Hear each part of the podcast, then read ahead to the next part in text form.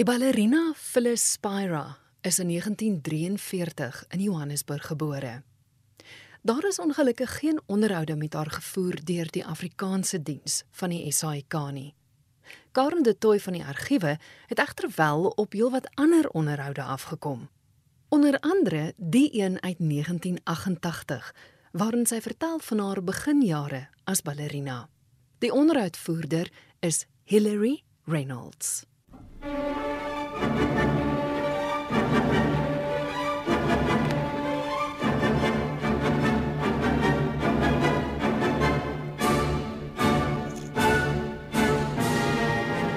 Difficult to believe that Phyllis Spira, one of South Africa's finest ballerinas, who also made a mark for herself on stages abroad, was not always so graceful.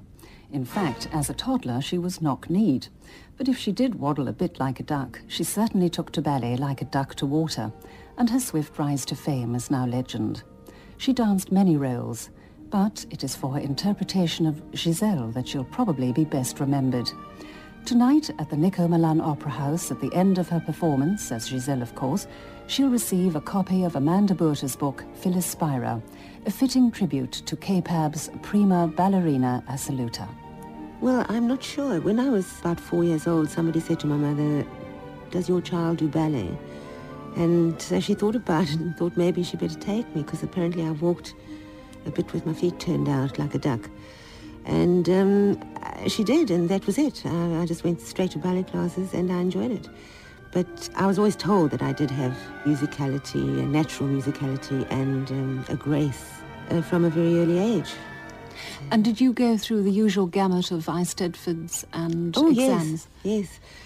Dulcie Howes always called me the biggest Eisteddfod queen of them all because I, I think, uh, you know, we had no professional ballet companies here at that stage and it was a very good outlet for children, I think, to get up on the stage and actually perform. And um, it was the only thing for me to really do apart from exam work. And um, I enjoyed them. I loved getting up and you know being on stage, but I was very shy, very quiet off the stage. Were you aware that you had this exceptional talent as a child? No, I did my thing and I enjoyed it, but until I was about 14, 15, um, when people said, well, what are you going to do? Are you going to, to my mother, are you going to take her overseas? Or, you know, I think you should take her abroad. And I think it must have been a very difficult decision because I had two brothers. And um, to break up a family, you know, at 15 to go 6,000 miles away was uh, quite something. How did you integrate into that Royal Ballet School? It was very difficult in the beginning. You know, I was a 15-year-old, young 15-year-old, and still in bobby socks virtually. And um, most of the 15-year-olds or 16-year-olds that were there at the school were much more mature. So I had to learn fast and, you know, sort of do some growing up in a very short time. Did your career begin to gel when you came back to South Africa after the London spell? Did it begin to take shape?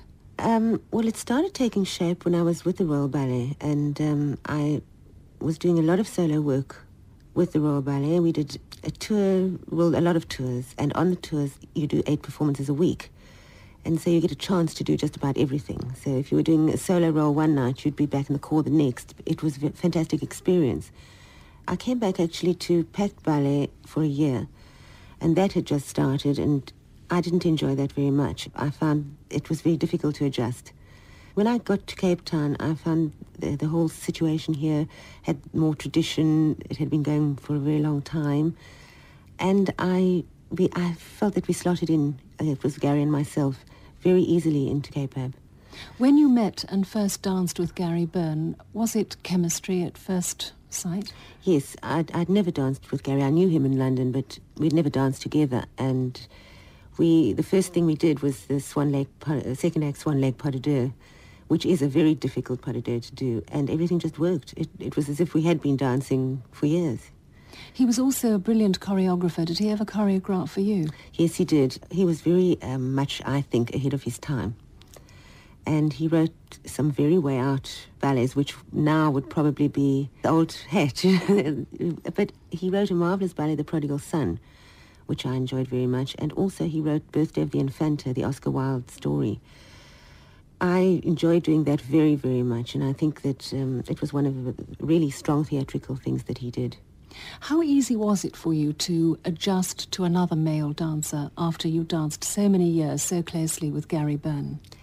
It was quite funny, actually, because I had to do a pas de deux at Maynardville with Edward Greyling, Coppelia pas de deux, and um, we did have quite a few difficult moments because he was so nervous. Yes, because he was. It was quite early on in his career when That's he met right. up with you. And um, then David Poole wrote Sylvia for the opening of the Nico Malan Opera House. And I actually danced with Edward in that. And gradually, you know, um, it took about six months to actually get it all together. And obviously through the years it's grown and grown and now we work as one person.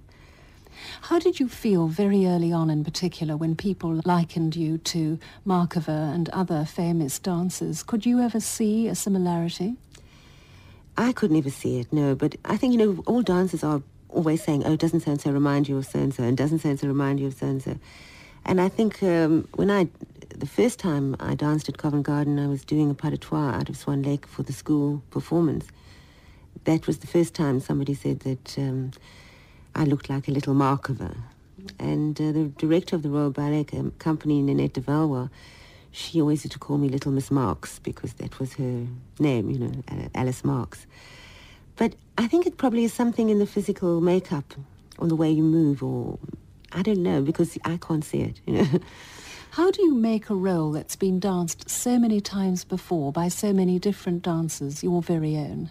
Well, should we take say Giselle? Um, I hadn't seen many people dance Giselle at all when I first did it.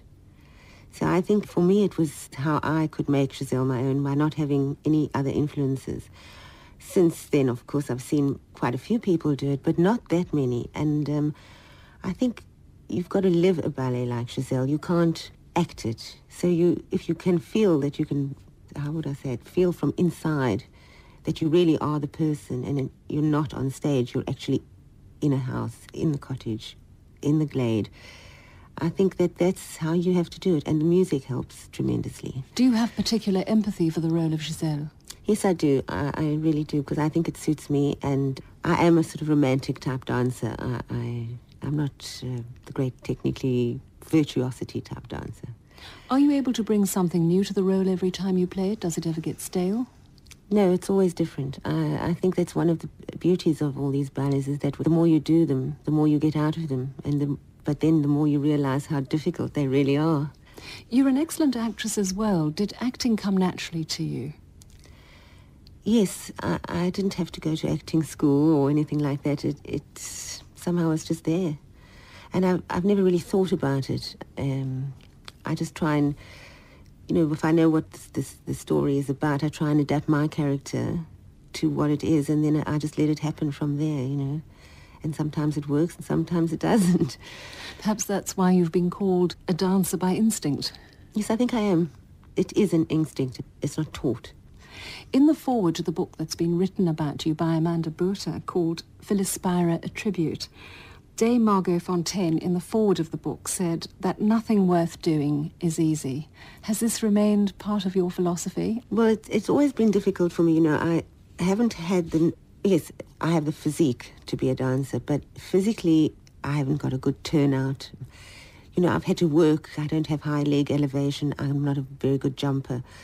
So all these things have to be worked on all the time, and you've got to be able to make them happen so that the audience thinks that you really are good at it, you know.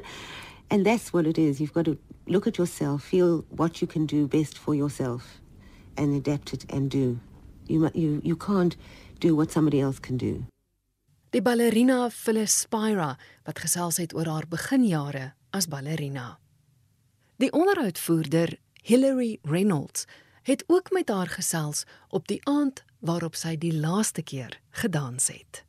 Phyllis Spira of CAPAB Ballet, known and loved by Cape Town ballet has retired and will dance on the Nico Malan stage for the last time tonight, partnered by Eduard Greyling, who flew out from London specially for this performance. Considered to be one of five most important ballerinas to dance in the West in the past 20 years, Spira will always be remembered for her role in the making of South African ballet. She's had a brilliant career of more than 21 years with CAPAB and is following doctor's orders to give up ballet after her recent back operation. Tonight, when she appears on stage, it will be a very emotional experience for Cape Town's ballet followers. How does Phyllis feel knowing that she's heading for that last dance? Well, uh, with a bit of trepidation, actually. You know, I have not been dancing for a while, and I think that having had this injury to my back and having been told medically, you know, that the advice is do not dance again, I have to take that advice. And um, I had this sort of eight weeks since I'd had this injury to think about it very hard. And I have come to the very good conclusion that even though I won't be dancing, I still will stay with CAPAB and I will be doing what I think is probably more important, coaching and teaching, taking rehearsals for the younger people and giving back to them what I have learned over all these years. Did you anticipate this moment coming so soon, or did you envisage a longer dancing career for yourself? Um, probably within the next two years I would have stopped dancing in any case. I suppose there's never a right moment for anything to happen, like an injury, but I think that this happened perhaps at the right time. It made me make the decision. It's given me a relief in a way, and that I haven't had to make it myself. It's been made for me. But no, I, I am looking forward to going on to do what I what I have been actually doing for the past few years anyway, as principal ballet mistress. And I think that um, from now on, I will just, you know, that's what I will be able to guide myself into with more energy.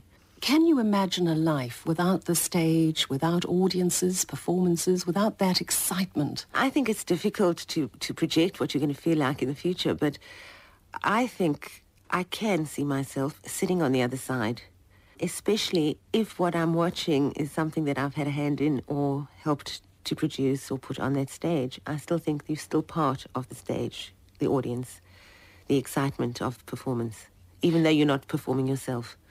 Will you venture into other fields of ballet other than teaching, like, say, choreography, as so many ballet dancers seem to do? I've thought about choreographing, and I have done one little piece, or oh, a long time ago. I would like to try.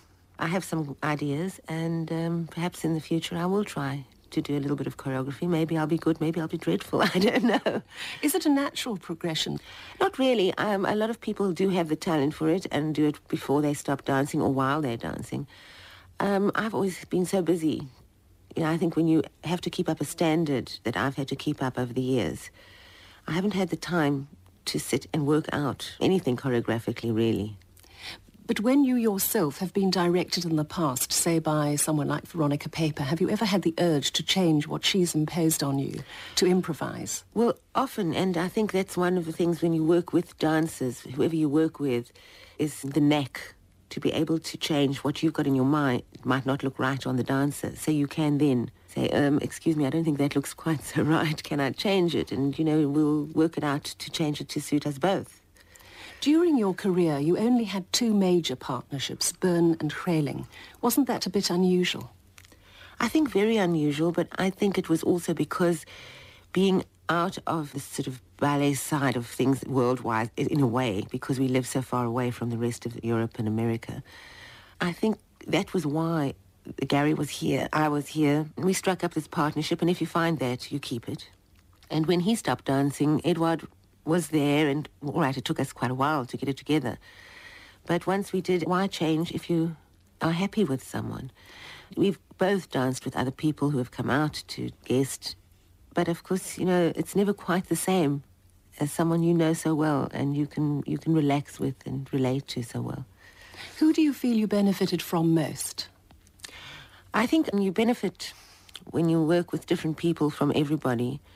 And it was different with Gary he was very vibrant and exciting and quite dangerous at times, actually.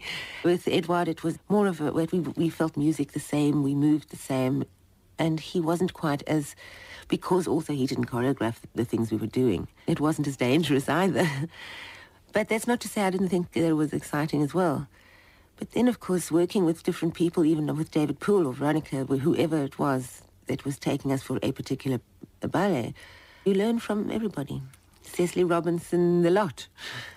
Your career in South Africa is seen as the story of professional ballet in this country. Well, I suppose it's because I've grown alongside professional ballet in this country since its inception, which was in 1965. And I think that was when I joined CAPAB. And the year before that, I joined PACT. I was with PACT for a year. So right from the beginning of professional ballet, I have been involved in it. Has the ballet company changed a lot over the years? Yes, it has. It's grown tremendously. When I first came here, we had 30 dancers only, and we, we danced in school halls, full-length ballets, you know, and things like that, which we don't do anymore. We used to do all our big seasons at the City Hall or the Alhambra. And since the Nico Malan, I mean, I think the dancers are very lucky. They have such a wonderful theatre to work in and beautiful dressing rooms. And if we go on tour, we don't go on a one-night tours on a bus. We fly everywhere and stay in reasonable hotels. It has grown a lot. When you look back over your whole career, are there any particular highlights that stand out and always will in your memory? Well, there's so many highlights. The one highlight was a particular performance of Romeo and Juliet that Edward and I did because he had to learn it in one day. And that's quite a ballet to learn in one day. That performance, somehow everything came together. There was nothing that marred the whole thing or jarred at all during the evening. And you know when you've made the audience or got the audience on your side is when the end, when the curtain comes down and there's dead silence, you know, for those few minutes. And that really was one of the performances that was I felt was one of the highlights. It doesn't often happen. Another one was also, I keep going, Romeo and Juliet, uh, dancing Romeo and Juliet with my husband, who was then not my husband. I found that very interesting and very exciting because it was somebody new and I had never worked with him before. And I think, you know, you always can bring something else out of a partner if you have the experience. And I, I found that quite an exciting evening. But there have been lots. The opening night of Orpheus in the Underworld. Um, dancing Swan Lake with Attilio Labis in his production. The first time I ever danced at Covent Garden, I was a page, and I, in fact I didn't dance, I just walked on. And the first rehearsal I did, I tripped over my own feet, and uh, I fell splat on my face. But dancing in Manila and in the Philippines and in Tokyo and, you know, the different tours we did, opening the um, expo in Canada and the Olympic year in, in Mexico was also, you know, all those things were highlights. I think another one was of, of my career, one of the highlights was actually, and I was very lucky that I had a producer like David Poole who actually produced me and made me actually into a ballerina. Hilary Reynolds was in gesprek met die ballerina Phyllis Spira. Die onderhoud is opgeneem en uitgesaai in 1988. Phyllis Spira is in 2008 in Kaapstad oorlede. Sy was 65 jaar oud. Dankie aan Karen de Tooi vir die opspoor van die onderhoude.